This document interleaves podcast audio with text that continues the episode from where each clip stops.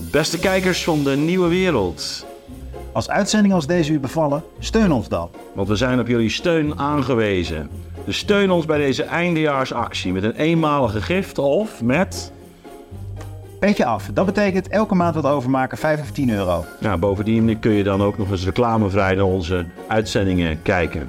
Zo is het. Help ons deze uitzendingen te maken, ook voor 2024.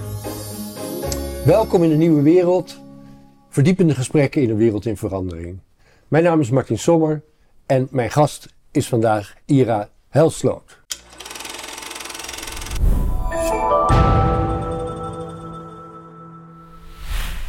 Uh, Ira Helsloot is een buitengewoon interessante gast. Hij is, uh, nu ga ik even voorlezen, officieel hoogleraar besturen van veiligheid aan de Radboud Universiteit in Nijmegen. Nou zou je zeggen, uh, besturen van veiligheid, dat klinkt nogal saai. En ik denk, van oorsprong was Ira Helsloot ook vrij saai. Hij, hij is van oorsprong wiskundige. Hij heeft zich bezig gehouden met veiligheid in de zin van arbo-wetgeving en dergelijke. Was verbonden, als ik het goed zeg, aan de brandweer. daar komt zijn belangstelling voor veiligheid vandaan. Maar verbazing, veiligheid is een, ja, wat zal ik zeggen, de laatste jaren een politiek buitengewoon brandbaar onderwerp geworden. En misschien nog wel, daar gaan we het zo over hebben, misschien wel tot verbazing van de hoofdpersoon uh, van vandaag. Uh, veiligheid, uh, als ik het even vertaal in het begrip safe space, dan weet u al hoe branderig veiligheid is geworden. Een gebied vol voetangels en klemmen. Nog even drie woorden over mijn gast. ik ken hem al een tijdje, we mogen denk ik tutoyeren. Heel graag. Uh, ik kende hem eigenlijk als de asbestprofessor. Uh, Ira uh, was een van de mensen die ja, relativerend sprak over de geweldige gevaren van asbest. Ik, ik, denk dat we het hebben over 10, 15 jaar geleden zo. 10 jaar, zoiets, ja. En dat was toen een standpunt wat aansprak, omdat wel duidelijk was dat daar in de anti-asbestindustrie ontzettend veel geld werd verdiend. Maar toen Ira Helsloot zich ook enigszins relativerend ging opstellen over de risico's van uh, bijvoorbeeld corona of uh, de, de aardbeving in Groningen of uh, het gif dat Tata Steel veroorzaakte in de omgeving van de Eimond. Toen was het eigenlijk wel afge, afgelopen met de populariteit van de professor. Daar gaan we het allemaal over hebben. Uh, genoeg uh, inleiding nu. Maar we beginnen met de actualiteit. Want enkele dagen geleden verscheen er in, in de online researchkrant Follow the Money een, een stuk over Ira Helsloot als de, de belanghebbende professor die was ingehuurd door de, de NAM in, in, de tij, in de aardbevingtijd over Groningen uh, ja, om eigenlijk de, de, schade voor de, voor de bewoners te relativeren. En er werd schande van gesproken dat de NAM een belanghebbende professor had ingehuurd. En daar moeten we het om te beginnen even over hebben. Het ministerie van de EZK, hè, hebben ze gezegd, niet de NAM. Oké. Okay. Uh, de NAM werd, als ik het wel heb, werd wel genoemd. Want, zeker, uh, zeker, zeker. Want was jij door het ministerie ingehuurd ja, of door, door, de NAM? Nee, door het ministerie, door het ministerie. Oké. Okay. En dat staat er ook correct. Uh, dat, alleen, omdat ik wel eens wat met de NAM gesproken had vooraf, was, was het, deze nieuwe klus sowieso al verdacht. Oké, okay, maar laten we bij het begin beginnen. er werd gesproken van een, een, een vooringenomen professor. En het ministerie had met opzet uh, Ira Helsloot ingehuurd, omdat ze dan wisten dat ze een advies kregen wat strookte met hun belangen, namelijk wij blijven gas oppompen. Wat zij daarvan? Uh, nou, nee, ik, kijk, ik ben voor ingenomen als het gaat om proportioneel veiligheidsbeleid. Hè? Uh, dus we moeten heel even, even de contexten. De minister, er was een aardbeving geweest. Staatstoezicht had gezegd gevaarlijk, gevaarlijk, gevaarlijk. Uh, uh, ga zo dat was de beroemde aardbeving van, de Huizingen. 2012. Precies, en het, het advies van uh, staatstoezicht, niet, niet gelardeerd met enige voor de rest onderbouwing, maar het is gevaarlijk. eh, is, was aan de minister: ga nou zo weinig mogelijk gas eruit halen. Ja. Zo weinig mogelijk, letterlijk. En de minister zei. Ehm, hè, klassieke eh, move natuurlijk van, van bestuurders. Nou, dan wil ik eerst wel de, de feiten op een rij hebben. Dus die liet 14 onderzoeken doen. Ja. Door TNO of eh, NAM, eh, die hetzelfde onderzoek deed. Door staatstoezicht, nou, nog een hele batterij. En ik was één van die onderzoeken, dat wil ik zeggen. Mijn onderzoek ging niet over de risico's zelf, maar als er nou hè, op basis van de risicoberekening van anderen, wat is dan redelijk veiligheidsbeleid? Ehm, dus, dus ik heb zelf eh, geen enkele wijze een, eh, een, ik zeg een inschatting van het risico gemaakt. Hè. Het enige wat ik heb gedaan is de andere resultaten bij elkaar vegen en dan dat vergelijken met andere risico's in deze samenleving. En toen gold, eh, als je dat dan berekende, ehm, eh, dan zag je, ja, en dat was toen zo en nog steeds zo, dat het eh aardbevingsrisico in Groningen kleiner is voor Groningers dan het overstromingsrisico. Dus je Maar kunt, even, er waren twee dingen. Eh, A, zij zeiden, eh, eh, meneer Helsloot heeft zelf niks onderzocht. Sterker nog, hij staat er ook voor. Ik geloof dat ik dan een quote geef. Ik weet er geen bal van. ja, dat bal, maar ongeveer zoiets, ja. Gelukkig zelfs. Ja. Gelukkig weet ik er geen bal van. Hè? En eh, ehm, het tweede is natuurlijk dat, dat jij inderdaad, je, je noemt het zelf proportioneel risico. Maar eh, ja, zij weten wie ze inhuren. En, zeker, hè? zeker. Dat was ongetwijfeld de bedoeling hè, van, eh, van, de, Van de minister? eh, van de minister of, eh, Of van het eh, ministerie? ministerie, eh, om een eh, iets bredere blik te organiseren op het risico. Ja, Ehm, en ongetwijfeld hebben ze dat gedaan omdat ze al vermoeden eh, dat het aardbevingsrisico, eh, eh, dat als groot gevaar werd neergezet, dat het wel eens mee kon vallen als je dat in de bredere risicopalet plaatst waar mensen aan bloot worden gesteld. Hè? in, Dus dat ja, in, in zijn algemeen. In zijn algemeen. Wat je tegenkomt, precies, precies. eh, keukentrapje. Keukentrapje, maar dus ook gewoon het overstromingsrisico in, eh, in Groningen. Hè? Wat, wat een 1 op 100.000 risico is wat wij accepteren eh, als, als samenleving. Of ook in andere delen van Nederland natuurlijk. Ehm, dus ik gok dat ze, hè, dat, daar heb ik niet met ze over gesproken. maar dat zij ongetwijfeld dachten, wij proberen eh, dit, eh, dit risico even in perspectief te plaatsen. En willen dan ook graag eh, horen wat normaal risicobeleid is. Hè, als je met zo'n risico geconfronteerd wordt. Ja. Want in Nederland hebben wij normaal natuurlijk een soort spelregels. Welk risico acceptabel is en hoeveel geld we erin steken. Ehm, hè, dus het was, het was ook niet, niet een super grote opdracht of zo in, die zin. hè. Eh, dus, dus dat heb ik denk ik braaf gedaan.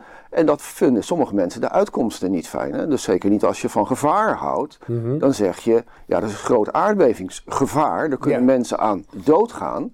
En dan, stop, dan, dan laat je er allemaal mensen heel hard aan werken. Heb ik geen verstand van. Dus ik heb gewoon geabsorbeerd de, de uitkomst van, eh, van anderen. Ze nu daar, daar prikkelend op doorgevraagd. Maar ehm, ik heb de uitkomst van die andere onderzoeken, hè, nou, niet van alle dertien, maar van de meeste van die andere onderzoeken, gebruikt om even uit eh, bij elkaar te vegen. Nou, wat is dan de betekenis voor het risico dat mensen lopen in Groningen?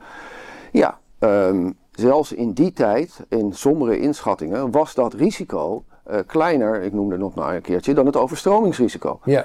Dus voor een minister die. Het risico op wat precies? Op overlijden. Ja, ja. Op overlijden, dus, dus zo'n aardbeving. Hè, dus, het- jij zei toen net schade, daar heb ik helemaal niks over gezegd. Hè, dat het, ging echt over het, het, het, het veiligheidsrisico. Dus het risico dat jouw huis instort en dat jij daardoor om het leven komt. Ja. Dat risico eh, was toen, eh, nu is het nog En veel dat- kleiner, eh, was toen vergelijkbaar eh, met het risico. Eh, in de sombere inschattingen dus van toen, hè, was het vergelijkbaar met het risico eh, dat je om, door overstroming om het leven komt. En dus zeker 10 keer of 100 keer kleiner dan het risico dat je in het verkeer Ja. om het leven komt. Hè, dus, dus, En hoe schat jij dan in met jou? eh, ik, ik ken je natuurlijk een beetje inderdaad als een, eh, laten we zeggen, een prettige eh, scepticus op dit gebied. Maar hoe schat je dan in? Je zei net staatstoezicht op de mijnen. Hè, die kwamen eigenlijk voortdurend met alarmistische rapporten tot vandaag aan de dag. Maar jij zegt in een bijzinnetje. niet onderbouwd op feiten. Of, Nee, er waren geen feiten op dat moment. Hè. Dus, dus anders. nou ja, even voor de helderheid. Hè. Er was al twintig jaar of zo was er een KNMI-model die zei... eh, eh, dit leidt tot aardbevingen en die aardbevingen zullen niet meer zijn. Er was een soort plafond eh, van, van 3,9 of zoiets was er, eh 4 of zo, zoiets in die richting was Ja. door, door de KNMI. En nu was deze aardbeving was ook nog onder dat plafond. Hè? Eh, 3,2 of zo, hè? Ja, Ja, dus ja, die, ja. die aardbeving was on, ruim, zeg maar even, ruim onder dat plafond. Hè? Ja. Ehm, eh, dus eigenlijk was, ik zeg, eigenlijk had de reactie moeten zijn, goh, Klopt eh, met- klopt met model. Ja. Ehm, want het was geen nieuwe kennis. En toch heeft staatstoezicht ervoor gekozen om zonder nieuwe kennis te zeggen, god, dit kan heel erg misgaan. ja. Eh, hè, dat is wat ik bedoel, niet onderbouwd eh, door feiten. Ehm, eh, ehm, nou dat is dat beroemde, hele dunne adviesrapportje van staatstoezicht. We hebben geen idee, maar je kunt eraan doodgaan. Dus laten we vooral, minister, zo weinig mogelijk gas oppompen. Ja. En nu nog even, dan, dan we op over de follow the money. Maar wat daar ook in staat, eh, deze meneer, Helsloot, sorry, heeft zich eerder betaal, laten betalen door de NAM voor rapporten. En datzelfde deed zich laatst voor toen jij eh, eh, samen met eh Friso de Zeeuw een stuk had geschreven in de Volkskrant over Tata. Toen kwam Friso later in, in een televisieprogramma of radio, en ik vanaf wezen. En toen kwam meteen van de actievoerders uit Wijk aan Zee. Ja, maar die Helsloot laat zich betalen. Nou ja, in beide gevallen, hè, dus, dus eh, overigens follow the money is, dat is natuurlijk altijd, staat er net, net, het suggereert het, maar het staat er niet. Eh, Ik heb geen rapporten voor eh, de NAM geschreven. Niet dus- in opdrachten betaald. Nee, niet een opdracht betaald, ook niet onbetaald, zal ik maar zeggen.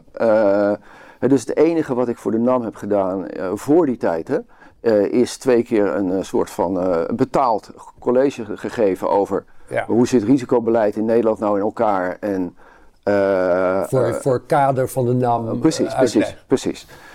Dus, dus hoewel de suggestie wordt gewekt in het Follow the Money artikel, staat het er niet precies. Maar het is mooi dat jij dat ook al die suggestie zo hebt Ik opgevat. ben niet een hele goede lezer. Nou, ik denk de meeste mensen niet.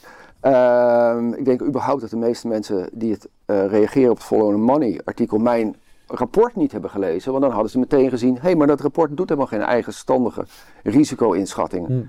Ehm, eh, overigens bij Tata eh, had ik dat nog niet gehoord. Ik heb niets voor Tata. Ik ben niet betaald door Tata, et cetera. Niet door Dupont. nee, Friso Eh, die zei dat hij laatst met jou contact had opgenomen om te vragen hoe zit dat. Dat jij zei, maar dat, dat is helemaal niet waar. nee, precies, precies. En dat Maar dat- goed, die mensen die zeggen dat wel op, een, op, een, ja, op een openbaar forum. Want, eh, dus er hangt wel een soort zweem eh Zeker, rondom maar dat is- Ira dat- Helsloot. Maar dat komt door jouw relativerende toon. Ja, ja, ja, ja, ja, ja. Dus dat, dat is, ja, ik vind dat zelf natuurlijk altijd wel wat verdrietig, maar wel voorspelbaar. Dat, eh, het is een makkelijke suggestie. eh, Ja. Die, ja. Maar dat komt natuurlijk misschien ook omdat je er wel van houdt om een beetje te prikkelen en te provoceren. Dat, zit- ik bedoel, dat zit in jouw eh, opbouw. ja, ik zou zelf zeggen dat ik ervan hou om helderheid te scheppen over eh, voor- en nadelen van veiligheidsbeleid. eh, want dat heeft de samenleving nodig. Ja, ja. Nou, dan komen we op het, eigenlijk het, het hart van het eh, hele verhaal. Hè, eh, eh, dan gaan we weg van, van eh, follow the money. Eh, maar het element van eh eh staatstoezicht op de, de mijnen, dat raakt natuurlijk de kern van, van waar we nu tegenaan lopen in de samenleving. Dat er eigenlijk voortdurend gevaren worden gesignaleerd en dat dat kennelijk een, een, een, een prikkel is waar die samenleving, de politiek, in, in het geval van Groningen bijvoorbeeld, buitengewoon krachtig op reageert. Van als er een gevaar is, Ja. dan, dan is de. eh, nou, die zit daar. Dan is de slotsom al snel. eh, er moet iets gebeuren. Ja. Hè? Dat, Ja. eh, wanneer liep jij daar voor het eerst tegenaan? Dat, dat, dat je dacht, hé, hey, hier gebeurt toch wel. Was dat al met asbest toen? Ja, zeker. Maar laat ik zeggen, als, met asbest zat ik al laat ik zeggen, in een goede groef. Hè? Maar toen Ja. ik zelf nog bij de brandweer werkte, maakte ik mij terugkijkend daar zelf schuldig aan. Hè? Dus ik zei tegen de burgemeester of zo, hè, dan van, van joh, eh, dit vind ik een heel gevaarlijk. Hè? Want niet ik, maar wij als brandweer vinden dit een heel gevaarlijk pand. Hè? Nieuw studentencomplex of zo. Dat is heel gevaarlijk, want die studenten die kunnen erin, eh, die, die slopen hun rookmelders en zo. Ehm, eh, dus eh, wij adviseren u om daar iets aan te doen. Geen Ja. idee wat, hè, maar Ja, ja. wij benoemen het gevaar. Ja. Eh, en wij benoemden niet, hè, dus ik ook niet. Hè, ik benoemde niet, laat ik zeggen, eh, het gevaar in een breder perspectief. Hè. Dus ik noemde het gevaar, niet de kans. Hè, want dat, is natuurlijk lastig om er iets over te zeggen. Maar combinatie van kans en gevaar is een soort van risico. Nou, dat deed ik zelf toen niet. En terugkijkend eh, dacht ik dan wel, dat is wel heel bijzonder. Hè. Deze maatschappij heeft heel veel dingen nodig. En ik ben een smaldenkende, ik was een smaldenkende adviseur die alleen maar zei: pas op, dit is gevaarlijk, want het kan branden. Uh, nou, dat verschijnsel, dat ben ik daarna gaan bestuderen. Toen ik hè, bij de brandweer weg ben gegaan en terugkeek op een aantal dingen. Toen dacht ik zelf, oh... Dat... En, en, wanneer ben je gaan denken, god, dit, dit zegt eigenlijk wel heel veel over het soort van samenleving waar we in terecht zijn gekomen? Nou, in 2010, uh, 2009, 2010, 2010 verschenen, uh, heb ik samen met een paar anderen, Roel Pieterman, uh, Jaap Hanekamp, heb ik een boek geschreven over eh, redelijk risicobeleid. Ja. en dat is op het moment dat je zo'n heel boek schrijft, is het, dat, is het blijkbaar het moment dat je dan vele perspectieven tot je neemt en nog eens een keer achterover denkt en denkt, goh, dit is wel heel bijzonder eigenlijk. Hè? Dus dat was eigenlijk voor mij het moment. als ik terugkijk is die periode van het schrijven van het boek, 2009, 2010, is het moment geweest dat ik breder ben gaan kijken naar wat nou echt redelijk veiligheidsbeleid is. En redelijk, wat, wat is redelijk in, in dit verband? Nou, redelijk is uh, dat de kosten en baten met elkaar in verhouding zijn. Hè? Dus het is heel Ja, ja. makkelijk om te zeggen, er is gevaar, je moet iets doen. Ehm, eh, dat kost altijd middelen, geld, Ja. eh, et cetera. Die je ook op een andere wijze had kunnen besteden. Dus, dus sindsdien zit ik een beetje op het... Dus toen eh, ben je gaan bezig met, met de afweging. Ja, met de van- afweg, precies. Ja. Ja, ja.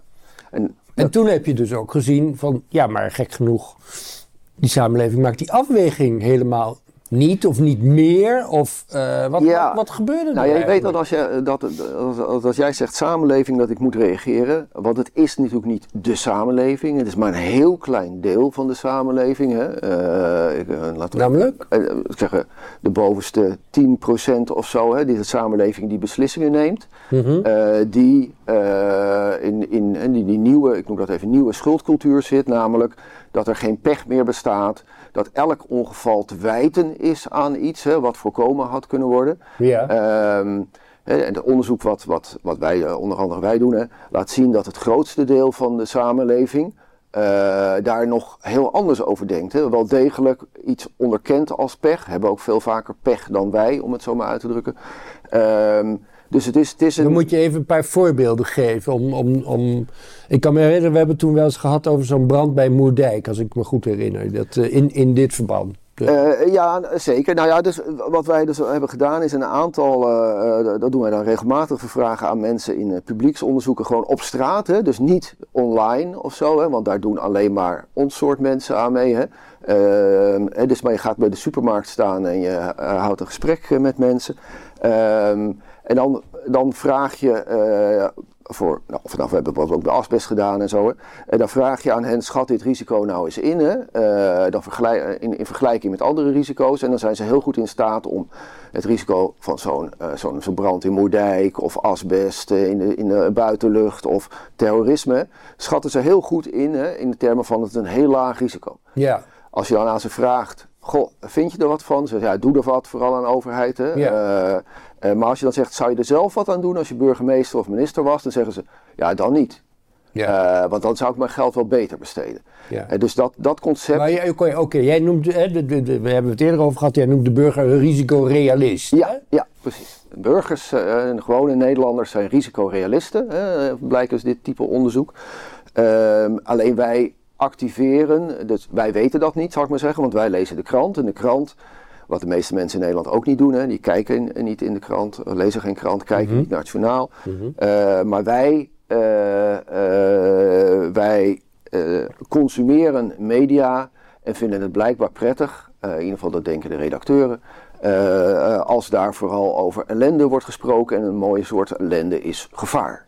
Ja. Ehm, Dus, je- dus jij vindt eigenlijk dat de, dat hele idee van de samenleving, eh, eh, laten we zeggen, de, de, de, de, de meest voorkomende, of nee, ik moet het anders zeggen. eh, de, de, het- dominante sentiment in de samenleving is gevaar en dat moet bestreden worden. Dat, naar jouw oordeel is dat een, een, een elitaire eh, opvatting of Ja. inschatting. Ja, ja. Dus die, die, die, hè, dus, eh, ik noem dat even dus die nieuwe schuldcultuur, hè, dus waarbij altijd iemand de schuldige moet zijn. Hè. Als je, eh, na- eh, onlangs is bijvoorbeeld zo'n zo'n agent aangeklaagd die op een trekker schoten. Ja, Ehm, ja. nou, dat vind ik een bizarre uiting daarvan. Hè. Er is niemand, eh, als ik met mensen binnen politie of OM spreek, is iedereen ervan overtuigd. Ja, dit is natuurlijk een ongeval. Ja. Deze man is niet opgestaan. die heeft daar ook nu ook natuurlijk problemen mee. Dat is een vreselijke eh, eh, samenloop van omstandigheden. Hoe komen wij erbij om zo iemand wegens doodslag te vervolgen? Dat is, dat is een uiting hè, die, die, ik zeggen, voor 90% van de samenleving eh, niet nodig is, onaanvolgbaar is en toch doen we het. Dat, is, dat is Nou ja, ik zou, in dit geval zou ik zeggen dat het meer wijst op de, laten we zeggen, de tweedeling in de samenleving. Want ik denk dat die boeren die daar toen de tijd bij betrokken waren, dat die volkomen overtuigd zijn van het feit dat die man aangeklaagd moet worden. Ik waag, ik moet daar als wetenschapper eh, natuurlijk voorzichtig in zijn, hè, maar laat ik eens gaan kijken of ik dat kan uitzoeken voor Ja. jou. Ik waag dat te betwijfelen. Oké. Ik waag dat te betwijfelen. Eh, Oké. eh, dat is echt. Maar dan heb ik nog een andere, eh, hè, want ik, ik ken jouw opvatting daarover. Ehm, ik, ik denk zelf dat wel degelijk in, in brede kring eh, gevaar als, en, en dus ook veiligheid. Hè, laten we zeggen, we moeten het over veiligheid hebben als een soort dominante waarde. Die tegenwoordig dominanter is Ja, dan ja. vrijheid, zou je ja, kunnen zeggen. hè? Veiligheid boven alles. Hè? Be- veiligheid boven alles. Maar dat het veel te maken heeft met de, de, de emancipatiegedachte. En dat eigenlijk een van de andere dominante waarden tegenwoordig is: je moet jezelf worden. Iedereen vindt dat hij zichzelf moet worden. Daar, daar kun je het wel over eens Ja, zijn. ja, hè? ja, ja. Nou, een van de dingen die, die horen bij het jezelf worden, is dat er geen bedreigingen mogen zijn. Geen dingen die, die jou tegenhouden eh, om jezelf te worden. En dat is naar mijn idee eh, eh, een mogelijke verklaring van het feit dat bijvoorbeeld de pandemie, waar we het, waar we het zo nog over kunnen hebben, maar dat dat wel degelijk ook in brede kring als een bedreiging werd gevoeld. Niet, niet alleen maar, hè, jouw suggestie is van dat wordt top-down over de mensen als een deken Ja, eh, ja, uitgespreid. En ik denk, nou, dat kun je toch in een aantal gevallen eh, moeilijk staande La- houden. Laten we het zo nog even over die pandemie hebben. Mhm. Hè? Maar eh, het feit dat wij mensen moesten dwingen om zich te vaccineren. en Dat wij. dus kijk, in die eerste maanden. groep, Nou, nee, want we hebben natuurlijk een, we hebben dat, dat vaccinatiepaspoort eh, en toestanden niet ingevoerd. Of heette dat? Coronabewijs? Ja. whatever. Niet ingevoerd omdat het zo'n kleine eh, groep was. Hè? Hmm. Als we, eh, en, en ook alle andere plekken hebben we natuurlijk op handhaving ingezet. ja. Anders was een belangrijk deel van de samenleving, denk ik, daarin niet meegegaan. De eerste twee maanden is wat anders. Hè? Toen waren we, denk ik, het was een belangrijk deel van de samenleving was echt collectief angstig. Ja. Dat blijkt overigens ook, dat vind ik wel weer mooi, eh, dat eh, in de week voordat eh, Rutte kwam met zijn toespraak, hè, voordat de eerste Nederlandse maatregelen werden Ja. uitgenomen, was bijna in alle winkels in Nederland werden al spatschermen en dat soort dingen. Dus toen was de samenleving zelf in actie gekomen. En we weten ondertussen ook dat, dat, dat dat befaamde R-getallen, dat was al aan het dalen in Nederland zonder maatregelen. Eh, opgelegde maatregelen door de maatregelen die de samenleving zelf nam. Hè. Dat waren de maatregelen die, wat mij betreft, ook de verstandige waren. Namelijk, eh, blijf uit, als je kwetsbaar bent, blijf uit de buurt van kwetsbare mensen. Dat soort dingen. Ja. Hè, dus de, eh, ook afge- achteraf gesproken waren die verplichtende maatregelen niet nodig. Ik, maar ik benoem dit even omdat dat ook dat risicorealisme wat mij betreft laat zien. Hè. De samenleving komt in actie als ze denkt, oei, hier is iets aan de hand. Dan heb je eigenlijk geen overheid daarvoor nodig, overheidsingrijpen. Ja. Eh, de overheid gaat er dan toch nog een keertje overheen. Laat zich vervolgens door allerlei gevaars en emotionele dingen beïnvloeden. Dus we gooien scholen dicht en eh, al heel snel. Eh, en na een tijdje is die samenleving er wel mee klaar.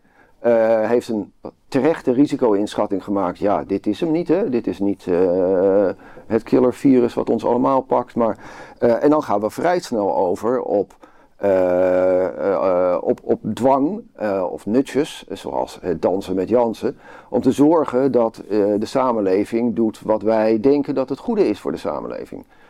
Die, de, eh, dus, dus ook daar, dus ik reageer even op jouw opmerking, vonden we dat breed nou een groot probleem? Eh, ja, de eerste maand, twee maanden misschien? Eh, maar daarna niet meer. Eh, en zij, is, het, is het echt nog een, wat mij betreft, een, uh, een elite ding weer geworden. Top van deze samenleving die iets bedacht heeft vanuit... en media zijn de hele tijd natuurlijk in meegegaan tot, wordt zeer, zeer kort. er is gevaar, je kunt er aan doodgaan aan corona.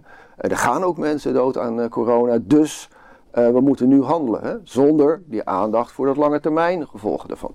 Ja, ja. ja ik, weet, ik denk eerlijk gezegd dat het een het ander niet uitsluit.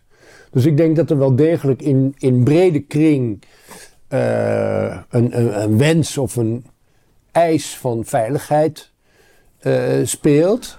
En hoe, de, hoe, de, hoe de maatschappelijke elite daar dan vervolgens mee omgaat, ja, dat is, dat is misschien het tweede. Uh, ik bedoel, daar weet ik ook te weinig van.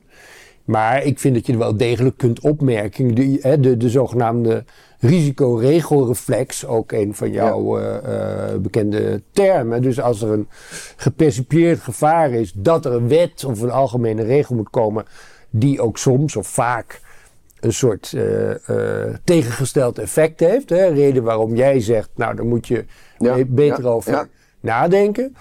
Maar het, het begint toch vaak, want je kunt ook zeggen van nou, als dat alleen vanuit de elite komt, dan is het de vraag of het zoveel effect heeft of dat het zo diep uh, doordringt. Hè? De, uh, maar het, het, is toch vaak zo dat als er een ongeluk is, uh,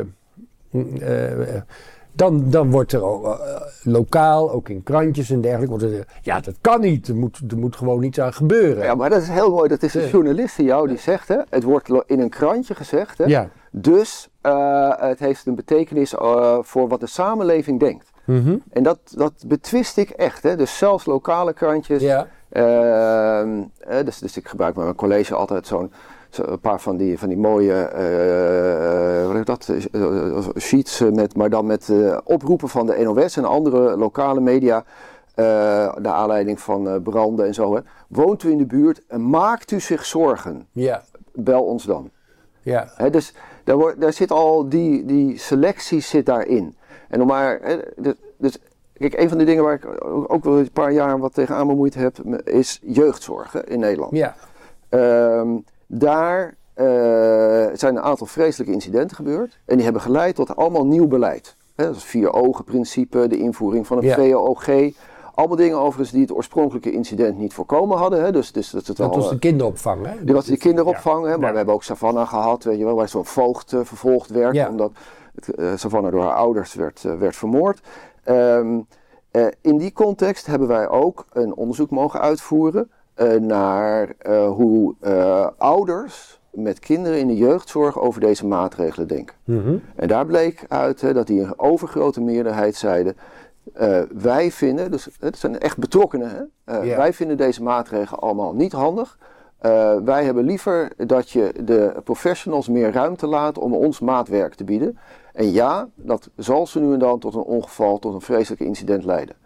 En dus, die, die, dus ik vind niet terecht hè, de aanname dat, eh, nogmaals, hè, dat de samenleving daarom vraagt. En dan zelfs zeer betrokkenen eh, mensen, zoals in dit geval, hè, ouders met kinderen in de jeugdzorg, hebben een veel genuanceerdere mening daarover dan eh, wat jij lijkt te suggereren. En wat, hè, van, namelijk, ze roepen altijd om meer me- regels. Nee, dat Nou, is- de jeugdzorg is denk ik wel een goed voorbeeld. Want eh, eh, eh, een van de dingen rondom de jeugdzorg is natuurlijk de explosie van zowel het aanbod als de vraag naar jeugdzorg. Hè? Ja. En als je dus het idee van gevaar en risico nog iets vergroot. En terugkomt op, op, op, op mijn idee van de, de, de waarde in het leven is geworden: ik wil mezelf worden.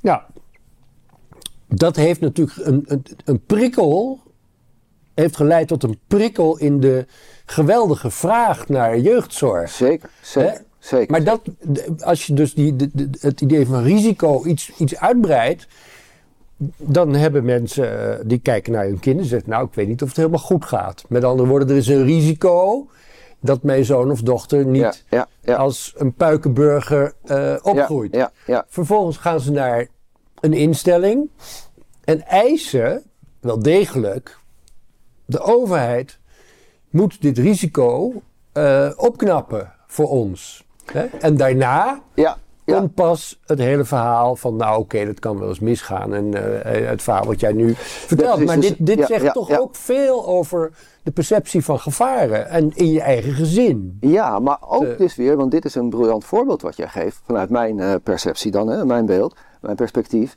Eh, want we weten dat de- dit, deze reactie die jij beschrijft, hè, van tut, tut, eh, het gaat misschien niet goed met mijn kind. Ja. dat ik zie, et cetera, ik wil hulp. Dat is nou precies hè, waarom eh, de helft van de jeugdzorg opgaat aan onzin voor 10%, hè, voor de 10% elite. Want de mensen, de gewone Nederlander doet dat namelijk niet. Die gaat helemaal niet. Die heeft geen tijd, die heeft niet de, de, de, de, de, connecties, et cetera. Niet de gewoonte om even naar de overheid toe te gaan. Hè. Dus dat is door door dat, eh, heet het Nederlands Instituut voor Jeugdzorg en zo en anderen onderzocht. Ik heb zelf ook nog wel eens een keer in een paar gemeentes gedaan. Eh, dat is dus, dus echt een bizar groot gedeelte van het eh, Ja, jeugdzorgbudget is onzin. Dat eh, ben ik totaal met je eens. Maar wordt dus besteed aan onze kinderen. Hè? Oké, Eh, ja, niet aan de Die zag kinderen. ik niet aankomen. Ja, ja dat is, dat is. eh, Want een normale Nederlander gaat helemaal niet naar de overheid. ik zou dit moeten checken Ja, als, als eh, pseudo-wetenschapper. Ja, ja, ja, eh, ja, ja, ja. Laten we proberen om een stapje eh, verder te maken. Want in jouw optiek, eh, nou dat hebben we nu gehad, hè? De, de, gevaar en, en risico is eigenlijk iets wat van bovenaf, eh, in ieder geval door de elite, ja, min of meer als een, als een, eh, als een dominante opvatting, zou ik maar zeggen, wordt verbreid. Maar jij hebt je natuurlijk ook bezig gehouden met de vraag: oké, dit, dit leidt tot nou, ehm, ja, overmatig gebruik van overheidsgeld, in ieder geval, voor dingen die niet zouden hoeven Ja, of die ja, je elders kunt besteden. Ehm, maar maar hoe, ga- hoe gaan wij dit, eh, eh, eh, laat ik dan iets, iets bescheidener zeggen. Ik heb in zoverre gelijk dat, dat dit in, in politiek opzicht wel, wel een, een dominante trend is. Hè? Absoluut. Dus dan komen we op de vraag, maar hoe, hoe gaan we komen tot een, tot een redelijker... Je hebt zelf het boek geschreven, redelijk risicobeleid. Hoe gaan we dat op een redelijker manier doen? Dat gaan we niet. Ik ben daar tegenwoordig wat somberder over dan eh, toen ik Toen begon? toen ik begon. het boek is uit welk jaar? Het boek is uit 2010. Oké, dus toen had ik een daar tijdje eh, echt een hele Toen tijd stond jij nog vrolijk in het leven. Zeker, hè, dat Toen was hadden dat nog geen eh, Groningen. Nee, zeker, zeker, We zeker. hadden zeker nog geen corona. Nee, nee, we hadden Eh, wel het- asbest. bij we Tata moesten ze nog het 100-jarig bestaan, Bestaan. vieren en dachten ze nog dat het een feestje was. Precies, precies. Eh, precies. Shell was nog niet vertrokken. Nee, Eh, wat heb je nog meer? nee dat, al dat soort. Ja, ja. eh, nee, dus, nou, ik denk dat er. ehm, ehm, Jeugdzorg was nog niet zo duur. Nee, jeugdzorg was nog niet zo duur. Hè? Dus dat, ja, uiteindelijk, kijk, er zijn, kijk, ik heb een theoretisch antwoord en een praktisch. Kijk, praktisch is, het gaat niet op de korte termijn veranderen eh, totdat we weer een economische crisis hebben. Dus de, We hebben geld. we hebben dat geld. is wat we je hebben zegt. te veel geld. Eh, bestuurders kunnen te makkelijk denken, nou weet je, eh, ik gooi er nog wel een paar miljoen tegenaan en dan, weet je, dan ben ik klaar met... dan heeft iemand in de krant gezegd er is gevaar en dan komen we beleid, gooien we een beetje geld tegenaan en dan zijn we, eh, dan hebben we het er niet over. Dus dat is een hele negatieve eh, ik zeg, Prikkel. iets, eh, prikkel om te... Mijn Maar onderzoek... het gaat altijd om de ideeën uiteindelijk. Hè? Ja, en dan denk ik, hè, dus daar, daar ging mijn onderzoek over, maar latere oratie en zo er ook over. Eh, dan denk ik dat je goed na moet denken hoe je een stelsel inricht, hè, met waar, waar taken, bevoegdheden, betaling, et cetera, met elkaar in verhouding zijn. En dus dat, dat is wat ik veel doe. Hè. Dus ik probeer uit te zoeken, eh, hoe kan het nou, ehm, eh, hoe, hoe organiseer je dat goed? Hè? Dus bijvoorbeeld in Nederland een bekend voorbeeld van een heel slecht organiseren is, een gemeente geeft een vergunning voor een tunnel, maar het Rijk moet ervoor betalen. Ja, dan voel je aankomen, slecht idee. Hè, want die gemeente heeft geen enkele belemmering om eh, te zeggen, nou doen we het nog maar een stukje veiliger. Ja. Dus dat, ja, dat, dat de gemeente en, en de Rijksoverheid voelen zich ook niet al één overheid, hè, dus dat bestuurlijke fragmentatie. Dus zolang je dat zo organiseert, eh, eh, krijg je allemaal, ik moet nog even aanjagende krachten, die leiden tot, eh, in mijn terminologie, disproportioneel slecht risicobeleid. Ehm, als je dat niet beter organiseert, is dus mijn, mijn antwoord, gaan we niet naar een betere, eh, verstandiger, redelijker risicobeleid in dit land Maar, komen. maar eraan vooraf ik bedoel, ja, dit, dit, is, dit, dit zijn de technicalities eigenlijk, hè, maar wat eraan vooraf gaat. De, de mindset van mensen. eh, ik eis, nou ja, dat is, dat, dat is dus volgens jou niet het geval. Hè? Jij zegt dat, Ja, dat ja. dit alleen in de, in de maatschappelijke elite is. Maar de mindset dan, in ieder geval van de politiek en ook de, media, de mediatieke elite, die, Ja, die, ja. die zegt eh, het gevaar loert overal. Tot, Ja. Ik bedoel, het laatste gevaar, daar hebben we het nog niet over gehad, maar dat zouden we het nog over kunnen hebben, is eigenlijk grensoverschrijdend gedrag. Ja, Eh, eigenlijk jouw, jouw integriteit, die, die wordt betwist in eh Follow the Money, valt daar eigenlijk ook over, onder. Hè? De, de, de totale, het totale wantrouwen, eh, omdat het gevaar Ja. uit alle hoeken komt. Ja, Hè? ja, dus, eh, dus, dus hoe kun je zoiets ombuigen of eh, veranderen? Nou ja, eh, sommige dingen zijn misschien wel iets. eh, dat is, ik, ik heb geen enkel idee hoe je de. eh, collega van mij, Michiel de Vries, heeft er natuurlijk ook een boekje over geschreven en zo. Hè, over, dat, over de, de ingewikkeldheid van de Bestuurskundige die- Die dus- over grensoverschrijdend gedrag. eh, en hoe schreef. ingewikkeld eh, dat, dat type onderzoek allemaal is. Hè. Ik, ehm, jij, jij noemt dat de technicalities, hè? Maar ik. ik Nou, jij zegt eh, als we het anders organiseren. ja, dat, dat, precies. En dat is volgens mij echt de crux. Dus als je dat niet anders organiseert, krijg je. Dus ik geloof niet, andersom gezegd, ik geloof niet dat wij erin gaan slagen om de mindset van mensen, professionals, bestuurders, journalisten, te veranderen. Ehm, dus we gaan het alleen beter krijgen als we mensen eh, ook de gevolgen van slecht veiligheidsbeleid laten ervaren, de beslissers. En dat betekent bijvoorbeeld dat ze er zelf voor moeten betalen. Als je de gevolgen van slecht veiligheidsbeleid kunt externaliseren, dan ga je niet eh, beslissers, bestuurders eh, dwingen om daar verstandiger mee om te gaan. Hè? Dus dat voorbeeld van die tunnels wat ik net gaf. Ja, Ehm, eh, een bestuurder eh, in dit land, een, eh, een lokaal bestuurder, gaat nooit zijn nek uitsteken. heeft genoeg dingen te doen, hè? Dus die gaat nooit zijn nek uitsteken intern om te zeggen: joh, ik wil hier een beetje redelijk advies over zo'n tunnel hebben. Eh, dat, dat, wa- want je denkt, ik heb andere dingen aan mijn hoofd en het geld dat zit toch bij het Rijk. En een veiligheidsprofessional, hè, dus bijvoorbeeld vanuit de veiligheidsregio of de omgevingsdienst die over zo'n tunnel moet adviseren, die gaat niet zonder dat je het beter organiseert een beetje breder kijken. Die gaat altijd alleen op gevaar zitten en hoe kan ik die tunnel nog veiliger maken? Want het is veel makkelijker voor zo'n professional eh, dan, de, eh, dan ingewikkeld moeten nadenken. Eh, ja, soms moet ik wel een risico accepteren. En dan moet ik tegen mijn bestuurder zeggen: ja, dit is wel de grens aan een redelijk veiligheidsbeleid. Dat is gewoon heel kun je onaantrekkelijk. dat, kun je dat verlangen van... hè, ik heb zelf een groot Nee, stuk je geschreven over Tata Steel. Ja. En daar viel mij inderdaad op, eh, zowel bij de omgevingsdienst als bij eh, de gedeputeerden van, van Noord-Holland, die dus allebei eh, gingen over de, over de veiligheid.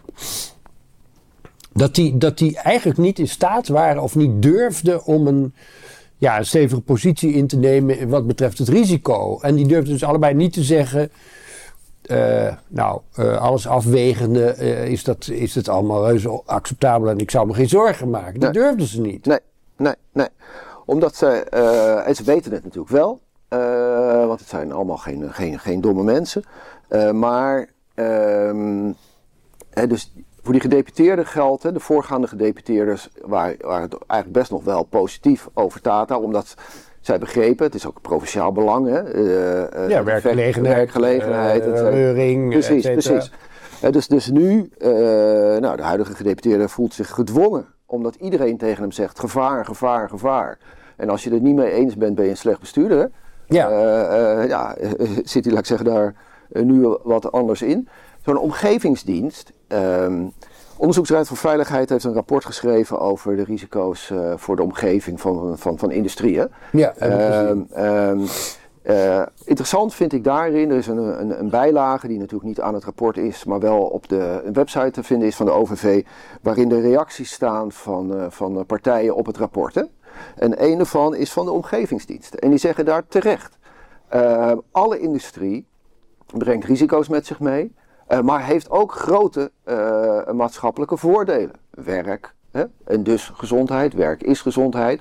Eh, ehm, dus die omgevingsdienst is best in staat op enig op abstractieniveau om daarover uh, redelijk over na te denken. Maar op dit moment is er niemand die aan hen vraagt, die hen dwingt. En bestuurders durven dat slecht om te zeggen: Nou, kom dan maar eens met een integraal advies. En zolang een bestuurder dat niet van de omgevingsdienst verlangt, gaat die omgevingsdienst dat niet zelf doen. Dus Waarom niet eigenlijk? Ja, omdat dan als zij komen met een beetje genuanceerd verhaal zonder opdrachten ertoe, dan komen jouw journalistieke collega's en zeggen die omgevingsdienst heeft helemaal onvoldoende aandacht voor, uh, voor het gevaar. Net zoals zo'n achtelijke hoogleraar in Groningen. Die, vindt dat, maar die heeft het alleen maar over een, nuancering. Uh, die heeft het niet genoeg over het gevaar van aardbevingen. Die plaatst het in een breder, kijk naar het risico en een bredere. Nou, daar, krijg je gedoe mee. Dus uh, dat maakt het zeer onaantrekkelijk voor professionals, zelfs al zouden ze het willen. Uh, en voor de managementlagen van zo'n zo'n omgevingsdienst of veiligheidsregio, om dat bredere advies te geven. Dus daar waar het ja, gebeurt... maar dat, dan komen we toch terug op jouw idee over de verhouding uh, maatschappelijke elite en uh, het merendeel van de bevolking, dus de, de risicorealisten. Maar die, die, ik, ik was bij zo'n bijeenkomst over Tata van het RIVM en de bedreigingen allemaal. En er waren een aantal wethouders van de betrokken gemeenten. En die allemaal de, de, de, de houding hadden.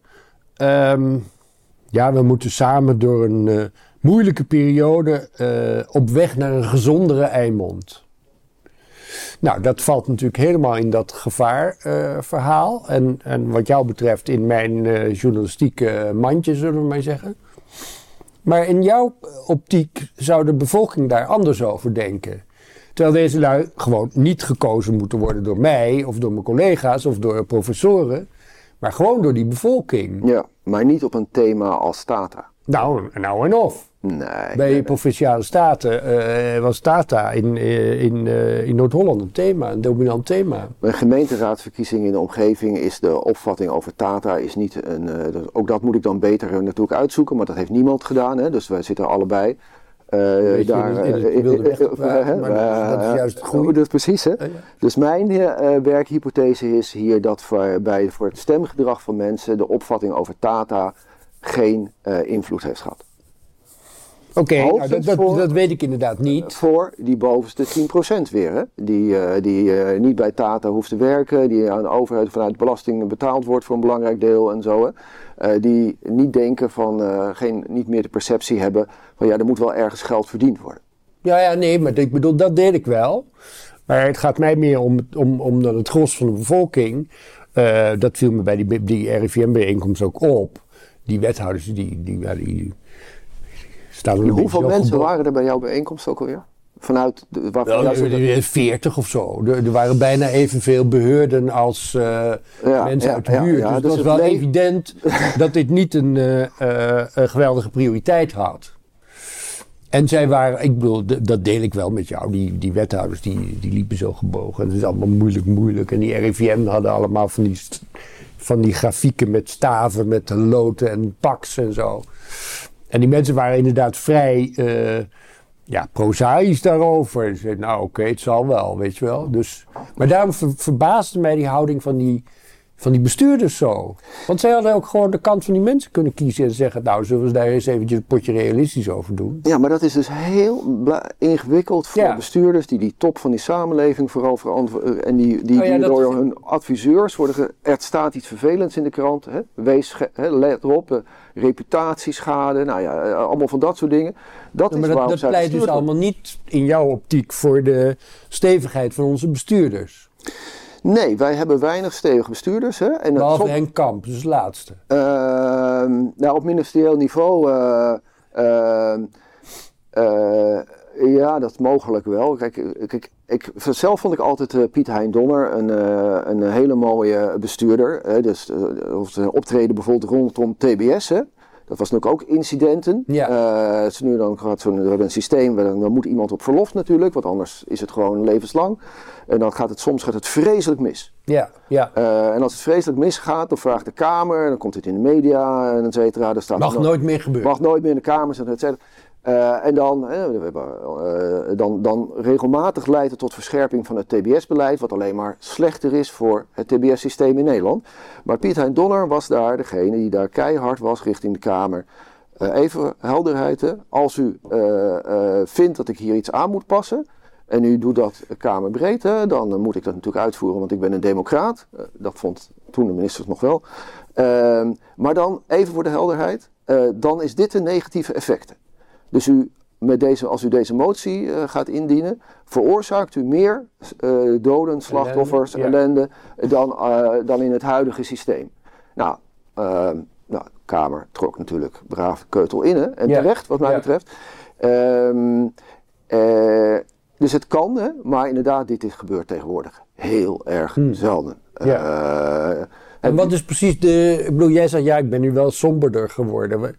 Kun je aanwijzen eh, van nou, dit, dit, dit was daar toch wel een doorslaggevend eh, eh, moment of, of element in? Nou, ik denk dat mijn, eh, eh, z- z- zeggen Groningen, asbest, dat waren dossiers waar ik mij om, om verschillende redenen tegen, behoorlijk tegen aan bemoeid heb. Hè. Mhm. En waar ik tamelijk idealistisch in, aan begon, hè, van, van we moeten dit toch kunnen oplossen met elkaar. En dan blijkt dat er betrokkenen zijn die eh, gewoon echt geen zin hebben en op alle wijze een redelijke oplossing blokkeren. Eh, dus in het asbestbeleid zijn dat natuurlijk eh, enerzijds saneerders, Ja. maar dan is het ook een, eh, eh, een, een ambtelijke top binnen het ministerie die denkt, eh, eh, het zal allemaal wel, hè, maar we willen gewoon geen gezeik. We gaan Dus die willen ook hun vingers niet branden. die willen hun vingers niet branden. En als je ze dan aanspreekt hè, eh, op, eh, ja, maar dit is toch ontzettende verspilling van maatschappelijke middelen. Dan is het antwoord, ja, maar we zijn hier niet voor maatschappelijke middelen, we zijn hier voor de minister. Eh, is ja, dat het antwoord? dat is het antwoord. En dat, dat, weet je, dat, dat heb ik nu te vaak meegemaakt. Waardoor ik somber ben hè, over. eh, Gold het ook voor corona? Nou ja, ik vrees uiteindelijk van, eh, van wel. Eh, daar is natuurlijk ook wel een minister van VWS geweest, denk ik, die zelf, eh, we noemen dat dan even, bestuurlijke dadendrang had, hè, om zichzelf te profileren. Ehm, ehm, maar werd ook door zijn ambtelijke top nou ook weer niet ge- consequent geconfronteerd met laten we nou eens over kosten en baten eh, hebben. Ehm, Maar dat wilde de Kamer natuurlijk ook beslist niet, hè?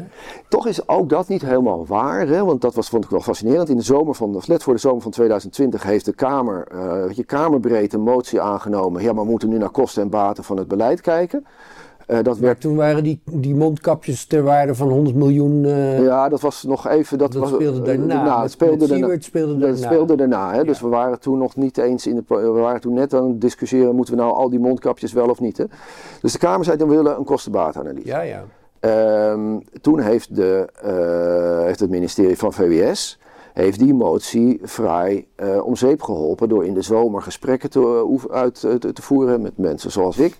En daarvan hebben ze een verslag gemaakt en dat hebben ze in november of oktober naar de Kamer gestuurd van zie wel, we hebben hier aandacht voor gehad en voor de rest niks mee gedaan.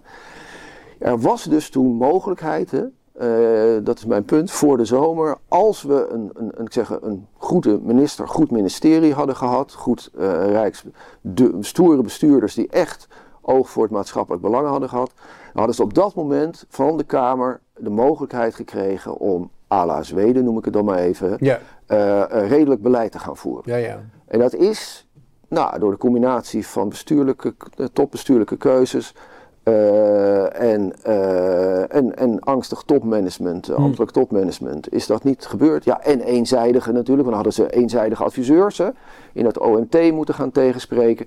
Nou, dat was, oh, dat, dat, weet je, dat is allemaal zo, ja, was een brug. Ik herinner me, daarna is er nog een eh, rapport geweest van de Rekenkamer. En daar stond toch zonder veel eh, omwegen in. eh, het ministerie van VWS is totaal door zijn hoeven gezakt. Kan je dat herinneren? Ja, Dus, Ja, ja, ja, ja. Nou, dan, dan sluiten we dit gesprek vrolijk af, Ira.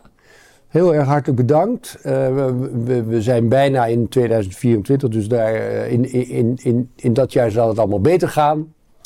Eh, maar de slotsom is eh, wat betreft eh, gevaar en risico. ja, eerlijk gezegd niet zo, niet zo heel vrolijk. En, eh, d- Maar ik denk ook dat het toch nog gewoon. En daarom spreek ik je als hoogleraar aan, zou ik maar zeggen. Er moet eh, behoorlijk wat denkwerk verzet worden. En ook ruimte voor zijn om, om, om goed in beeld te krijgen wat hier in den brede eigenlijk aan de hand is. Dat, eh, ja. hè, dat, eh, Ja, dat ben ik als wetenschapper met je eens. Hè? En ik probeer dus nogmaals, dat is wat, eh, om, om plekken bij te dragen, bevooroordeeld als ik ben, namelijk dat maatschappelijke middelen goed besteed moeten worden, door aan de kleine knopjes te draaien hè, van betere organisatie van veiligheid, waardoor bestuurders, professionals gedwongen worden om wat stoerder te zijn dan ja, nu. Ja, En dat als oké. we, Stoere bestuurders, dat moeten we hebben. juist, Oké, dankjewel Ira. En we gaan moedig voorwaarts. dat doen wij. Oké. Dankjewel Martin.